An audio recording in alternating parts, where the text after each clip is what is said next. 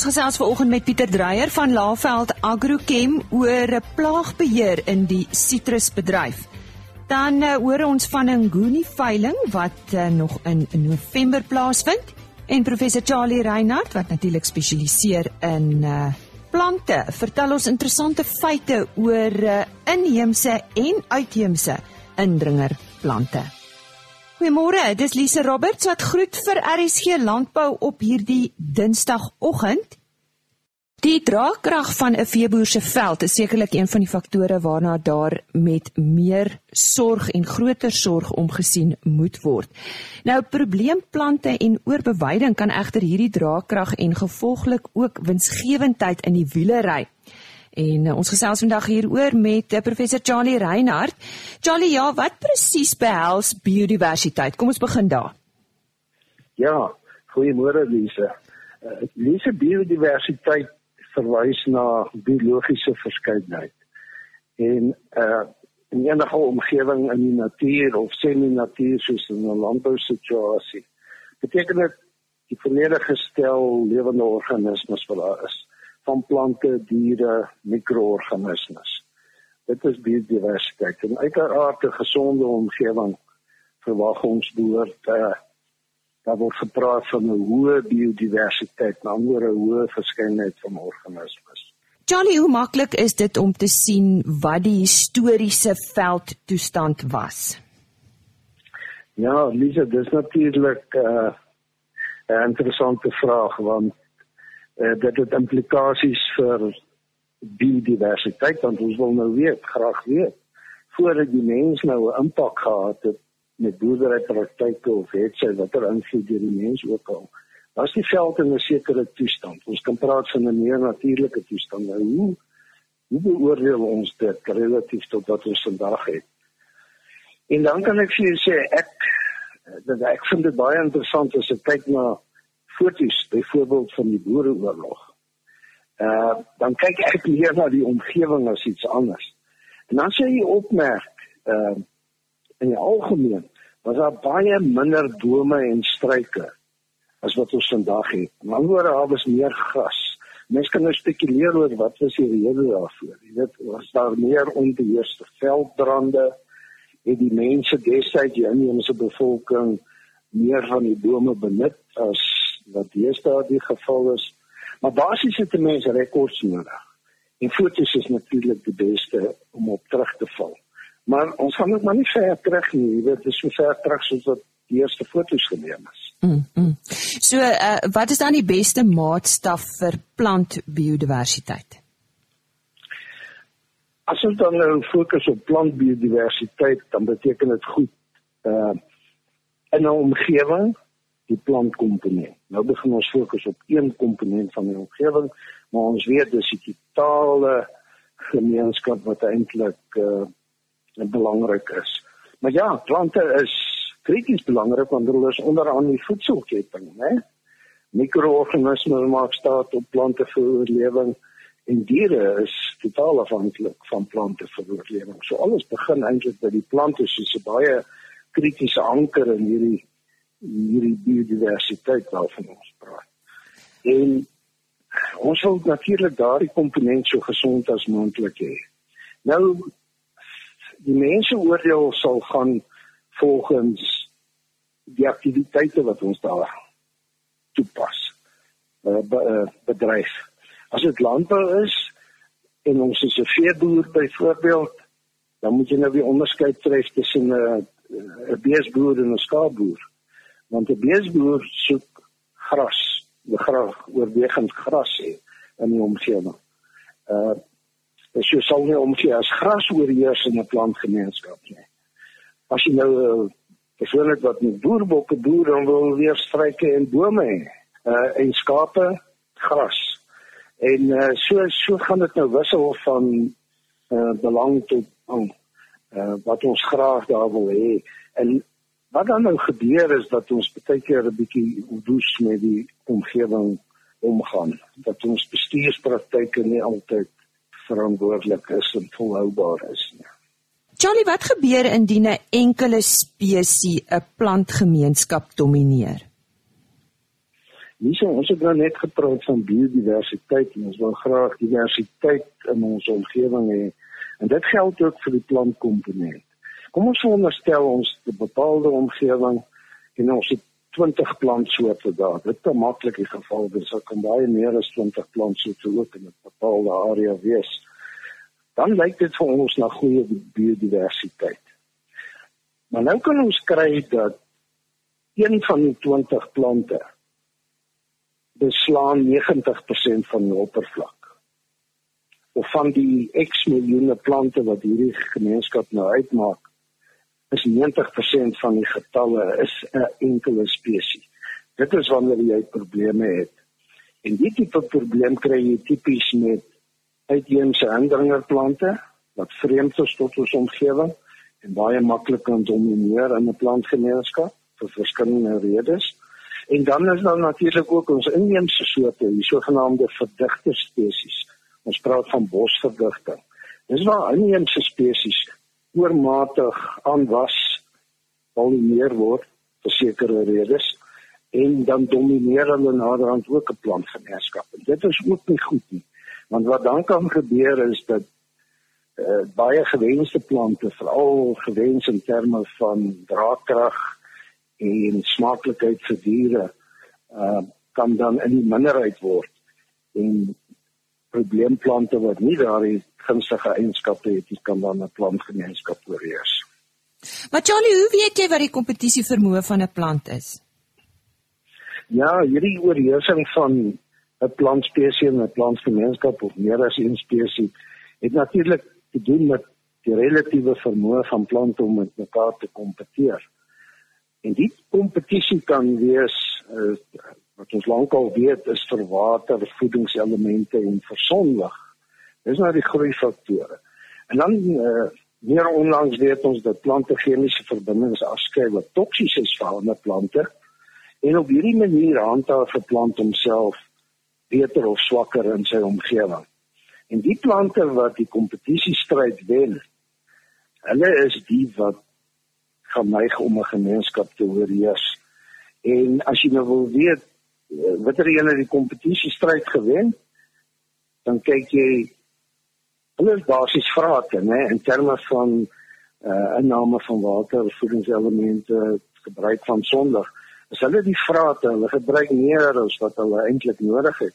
En met ander woorde, hulle gaan groter wees as ons dan maar vergelyk met mense wat ons gepraat het, hulle gaan ja. vetter wees. Ja. Maar hulle gaan sigbaar meer wees, hulle biomassa gaan meer wees en biomassa dan is net in terme van getalle en in terme van plantgrootte. Kom ons gesels oor indringerplante. Nou jy het jou inheemse en jou uitheemse uh, plante. Miskien moet jy uh, by die inheemse begin, Charlie. Inheemse plante wat oormatig uh, toeneem uh, noem ons bosverdigting. Ons verwys daarna as bosverdigting. Hulle word ook genoem, hulle word ook na hulle verwys as aanwysers van veld agteruitgang. Met ander woorde, as hierdie biodiversiteit in jou veld wat plante betref nou aan minder word omdat een of twee spesies dalk domineer, dan dui dit op veld agteruitgang. En iets baie belangrik om net bewus van te wees, hierdie plante is nommer 1 inheems. Nommer 2 moet ons hulle miskien beskou as reddingsplante. Ek gee 'n voorbeeld, swarthake in die Noord-Kaap. Hulle word voor die voet uitgewis met chemiese middels, onkruiddoders. Ehm um, sonder diskriminasie byvoorbeeld waar vliegtye onkruiddoders toedien en alles doodmaak behalwe gras. En dit is 'n verkeerde benadering want weet jy nou in die droogte tye is dit tans omtrent die enigste plante in daardie omgewing. Daar's nie gras nie. Want gras is die eerste plant wat gaan wanneer droogte intree. En hierdie plante het nou botsels, hulle maak blomme, hulle maak saad en hulle dra blare en en diere benut dit. Dis 'n hoë proteïene inhoud plant want dis 'n peulplant en ek sê vir jou dit kan 'n reddingsplant wees in in tye van droogte spesifiek. Het ons nodig om sulke te beheer enigsins of moet ons hulle net los? Ek ek is nie teen beheer van hulle nie. Hulle moet beheer word. Uh, ons het gepraat van die historiese uh, uh, toestand van veld voor die mense nou impak gehad het. Hulle kan aanduiders wees van veld agteruitgang en ons moet hulle beheer, maar ons kan meganiese beheer toepas waar fisies uitgekap word, uh, verwyder word. Uh, ons kan selektief die onkruiddoder toedien vir mense wat op die grond loop en onkruiddoder rondom die plant se stam byvoorbeeld strooi. Dit is die manier om te doen. Ek vra net vir meer selektiewe beheer en selektiewe gebruik van onkruiddoders, maar nie sonder diskriminasie met 'n vliegtyg grootskaal. Dit is werklik 'n baie harde opsie. Nou goed, kom ons beweeg na die uitheemse indringerplante. Wat het jy daar te sê? Ja, die uitheemse indringerplante Die belangrikste eienskap van hulle is dat hulle gewoonlik hier beland het sonder hulle natuurlike vyande. Nou nie weet ons inheemse plante het elke dag te doen kampe met natuurlike vyande van insekte, patogene tot diere wat hulle vreet. En baie van die uitheemse indringerplante het eienskappe nee, en ten minste het hulle geen natuurlike vyande nie nie en en dit gee hulle net 'n voorsprong in daardie kompetisiestryd waarvan ons gepraat het en hulle neig dan om onnatuurlik te vermeerder en naderhand 'n spesifieke area te domineer ten koste van ons inheemse meer gewenste spesies. Nou ja, daar het jy dit. Dit was uh, professor Charlie Reinhardt wat met ons gesels het oor uh, oor plante, inheemse en uitheemse plante en uh, hoe ons uh, hierdie indringerplante kan beheer. En soos beloof nou nuus oor 'n Nguni veiling oor Nahini Maas. Ons uh, gesels nou met Dr. Oswald Janas. Hy is uh, een van die raadslede van die Nguni Telersvereniging en ons gaan met hom praat oor 'n veiling wat eersdaags plaasvind. Wanneer van die uh, veiling plaas uh, Oswald? Uh, ja, en ons het die uh, Nguni Genootskap Algemene Jaarvergadering die naweek van 22 en 23 November uh, te Klein Kariba net buite uh, Bella Bella en daarmee saam het ons die nasionale Nguni veiling op 23 November wat begin om 9uur die oggend en net na die algemene nasionale veiling het ons ook die Noordelike Nguni Klub jaarlikse veiling. En dit is eintlik twee veilings wat uh, dan die een na die ander gehou word op dieselfde dag. Uh die veiling word gehou op die Oortse golfbaan waar ons uh veilingskrale gaan bou. Die aantal diere wat ons uh, beskikbaar het is uh, 16 diere vir die nasionale veiling waaronder daar 4 bulle is en dan uh 100 diere vir die noordelike Nguni klub veiling waaronder daar 5 bulle is. Uh die nasionale veilingsdiere se kering is dieselfde as die kering vir bulle as semendonors en vir die vroulike diere as uh oomdonors. Hoe gaan dit met die Nguni ras? Uh die Nguni ras gaan dit self baie goed. Ek dink dit is 'n ras wat gekom het om te bly en veral met die situasie van ons weeromstandighede waar uh baie uh, uitheemse rasse regtig uh swaar kry, is ons diere uitsluitlik daarvoor aangepas. Nou goed, uh, ons wil miskien net uh, wanneer weer uh, die veiling plaasvind uh, waar dit plaasvind Goed. en wie kan hulle mee in verbinding tree? Weet jy al die inligting is baie mak maklik beskikbaar op die media. Die maklikste plek om alles te kry is by die webwerf www.nguni.co.za. Dan land 'n mens op die tuisblad of die homepage en dan uh, kan 'n mens afkrabbel na die uh, opkomende gebeure of upcoming events daar is al die inligting beskikbaar wat 'n mens kan kry. Uh as iemand 'n telefoonnommer uh wel wil hê, uh kan hulle die Nguni Genootskap kantoor kontak by 051 448 7302 of 03. Wat interessant is van die veiling is dat uh daar ook 'n livestreaming gaan wees van die veiling uh op Facebook en hulle kan gaan na die Facebook Nguni Cattle Breeders Society. Daar moet net reëlings uh voor, by die afslaer Gert Kutse van Net Options getref word en dan kan 'n mens uh, selfs telefonies ook by op die veiling. Ek wil net nog die geleentheid uh, gebruik om ons webblad bekend te stel uh, in die publikasies uh, afdeling is daar 'n goudmyn van inligting oor beesboerdery, veidingspraktyke, genetika van beeste oor die algemeen en ook van ngonies in die besonder. En vir diegene wat na mooi fotos van ngonies wil kyk, besoek asseblief ons fotogalery uh, op hierdie webblad. Ja, miskien ten slotte net weer die datum. Uh 23 November 2019 om 9 uur. En uh dis op 'n besondere plek net Klein Kariba. Uh dis reg net buite Bella Bella en dit is op die oortse golfbaan waar die veilingskrale gebou gaan word. Baie dankie Dr. Oswald Janus wat gepraat het oor hierdie Nguni veiling. Sitrus is hoofsaaklik op 'n sekere geografiese gebied beperk tot 'n enkele gewas met die uitsluiting van sommige onkruidspesies en dalk 'n dekgewas in die paaie tussen die rye. Daar is dus 'n daadwerklike tekort aan verskeidenheid of biodiversiteit wat teweegbring dat sekere plante en peste floreer. En ons gesels nou hieroor met Pieter Dreyer, hy's 'n landboukundige vir Laaveld Agrochem daar op Mabel Hall. Nou Pieter, as dit by die produksie van sitrus kom, kan ons praat van plaagbeheer of is dit dalk eerder 'n proses waar 'n landbou ekosisteem bestuur moet word? Hi Lise, dankie ehm um, dat ek my kon gesels. Ons sou seker definitief kon praat oor plaagbeheer. Uh, maar in die meeste van die gevalle is die natuur net soveel slimmer as ons.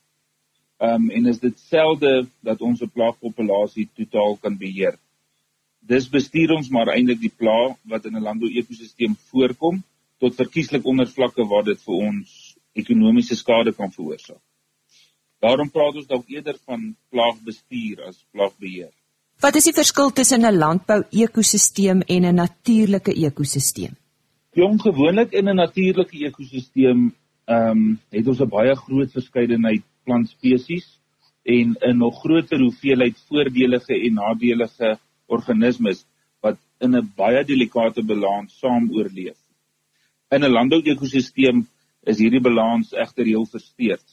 Ons vind gewoonlik 'n daadwerklike tekort in verskeidenheid van plantspesies en dis gebeur dit baie maklik dat sekere organismes deur hierdie stelsel bevoordeel word en dan buiteverhouding sal vermeerder. En wat is monokultuurverbouing en en hoe beïnvloed dit plaagvoorkoms? Monokultuurverbouing is eintlik maar presies dit wat dit sê. Dit is waar 'n enkele gewas vir 'n sekere periode in 'n bepaalde geografiese area gevestig word.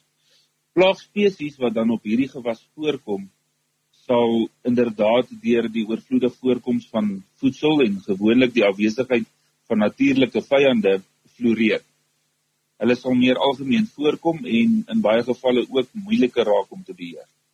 Nou het ek al gehoor van die nagevolge van pla. Wat wat verstaan ons onder dit? Ek dink waarna jy verwys is dalk plaagreperkusies. Lise enigiets wat ons doen om hierdie reeds versteurde ekosisteem verder te versteur kan lei tot plaagreperkusies. Deur plaagbeheerpraktyke toe te pas wat nadelig is vir die natuurlike vyande van hierdie plaag wat ons graag wil beheer of indirek voordelig kan wees vir versnelde vermeerdering van ander plaagpopulasies lei noodwendig tot 'n verhoogde voorkoms van pespopulasies. Ons noem dit dan plaagreperkusies. Pieter het alle plaae invloed op die interne eetkwaliteit van vrugte. Nee, Elise, um eintlik inteendeel. Baie min insekte of siektes beïnvloed die interne of die eetkwaliteit van die vrugte. Dit is in die meeste gevalle maar die kosmetiese voorkoms en uit die aard van die saak die opbrengspotensiaal van die betrokke gewas wat ons probeer beskerm. Ehm um, die groot dryfveer hier agter is maar eintlik die eindverbruiker wat baie graag 'n mooi skoon sitrusvrug wil hê. Uh bietjie ironies is dat dit ook gewoonlik die eindverbruiker is wat dan baie bekommerd is oor, oor al die plaagbeheermiddels wat gebruik moet word om hierdie vrugte dan skoon en mooi te kry. Dis ironies ja, so die persoon soek 'n uh, perfekte vrug en daar is nie eintlik so iets intensy jy daai goed toepas. Nou Pieter, die woord fitosanitêre pla of peste, uh, wat is dit en, en hoe beïnvloed dit nou plaagbeheerkostes? Ehm um, Lise ja, fitosanitêre pla is maar 'n uh, pla wat hier by ons voorkom maar nie noodwendig in ander lande of die lande waarheen ons ons vrugte uitvoer nie. Aangesien die grootste gedeelte van Suid-Afrikaanse sitrus uitgevoer word, word fitosanitêre regulasies dan ingestel om die verspreiding van hierdie plant na ander lande toe te voorkom. Ehm um, dit het uit die aard van die saak 'n groot invloed op plaagbeheerkostes aangesien die toleransie vir die voorkoms van hierdie plaag baie laag is en baie geld spandeer moet word om uh, hierdie plaas te beheer, maar daar word ook baie geld gespandeer aan die regulering van die voorkoms van uh hierdie plaas en en die die regulering van die vrugte wat dan uitgevoer word. En wat is maksimum residu limite? So ja, ehm um, wanneer vrugte met plaagbeheermiddels behandel word, bly daar noodwendig van die aktiewe bestanddele van hierdie produkte op die vrugskil agter. In baie gevalle breek die aktief heeltemal af, maar in sommige gevalle is dit steeds naspeurbaar. Vir elke aktief is daar dus riglyne opgestel wat aandui watter hoeveelheid van hierdie aktiewe bestanddeel kan op die vrug agtergelaat word wat nie skadelik vir menslike gebruik sou wees nie. Ons noem hierdie vlakke dan die maksimum residu limiet.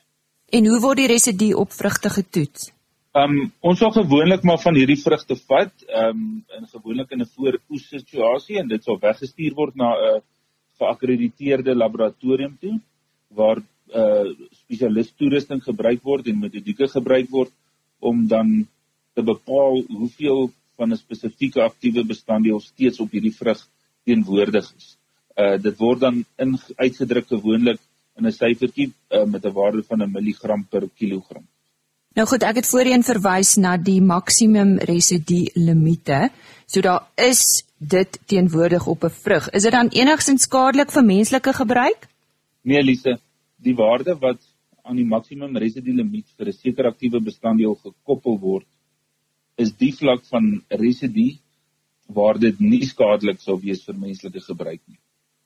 Waar goeie landboupraktyke toegepas word, en produkte volgens die etiketvoorskrywings gebruik word, is die residu vlakke wat dan getoets word gewoonlik in elk geval baie laer as die aanvaarbare residu limite wat vooraf opgestel is. Nou wil ons met jou gesels oor 'n plaagmoniteringsstelsel. Waarom is 'n goeie plaagmoniteringsstelsel so belangrik? Sjoe, uh Lise ja, dis maar hoe kan ek sê die begin en einde van alles. In die eerste plek is dit kritiek belangrik vir ingeligte besluitneming. Dit help ons om te bepaal of dit nodig is om op te tree, wat gedoen moet word, um, en ook wanneer dit gedoen moet word. In die tweede plek is dit ook vir ons baie belangrik uh, of 'n baie belangrike deel van marktoeganklikheid. Ehm um, plaagmonitering vir fitosanitêre plaag veral is 'n vereiste vir uitvoere na ander lande. Toe. En hoe belangrik is effektiewe aanwending van plaagbeheermiddels? Ja, ons sê maar altyd iets kan net so goed werk as wat dit toegedien word, nê. Nee. So 'n uh, goeie toerusting, die akkurate kalibrasie daarvan um, is uit die aard van die saak die begin en die einde van enige plaagbestuurprogram. En die regte hoeveelheid op die regte tyd. Ja, mm, ja, ja, ja, ja, ja. Hoe werk 'n geïntegreerde plaagbestuursprogram? Geïntegreerde plaagbestuur is maar 'n goed beplande strategie waar verskillende beheermaatreëls aangewend word om 'n sekere resultaat te verkry. Dit sluit gewoonlik kulturele praktyke in, biologiese praktyke en ook chemiese beheeropsies. Lise, dit is eintlik maar 'n mooi manier om te sê ons doen regtig alles in ons vermoë om plaagpopulasies onder beheer te hou en gewaskade te voorkom terwyl ons die gebruik van chemiese plaagbeheermiddels regtig tot die minimum beperk. Ja, dis dan goeie raad vanaf Pieter Dreyer. Hy is 'n uh, landboukundige vir Laveld Agrochem daar op Marble Hall En hy het spesifiek uh, eintlik met ons sitrusboere gesels. Pieter, as iemand dalk met jou wil uh, gesels oor dit waaroor ons nou gesels het, hoe kan hulle jou kontak? Wat wat wil jy graag deurgee? 'n uh, Selfoonnommer, e-posadres, wat wat verkies jy? Ag ek dink die maklikste is is um, om te kyk op Lavit Agrochem se webwerf. Uh, Daar's 'n volledige lys van van gebiede waar ons betrokke is en die betrokke ehm um, landboukundiges of agente, agentskappe in daai gebiede en daar sal ook al die kontakbesonderhede kry. En dit is aan um, www.laveld.co.za, is ek reg? Glo hulle sal so regkom hierso. Daar sê goed en ons sê baie dankie dan aan Pieter Dreyer. Dis dan al RC landbou nuus vir vandag. Onthou môreoggend om 05:30 weer by ons aan te sluit. Tot môreoggend om 05:30 dan gesels ons weer. Totsiens. RSG Landbou is 'n produksie van Plaas Media. Produksieregisseur Henny Maas. Aanbieding Lisa Roberts. En inhoudskoördineerder Jolandi Root.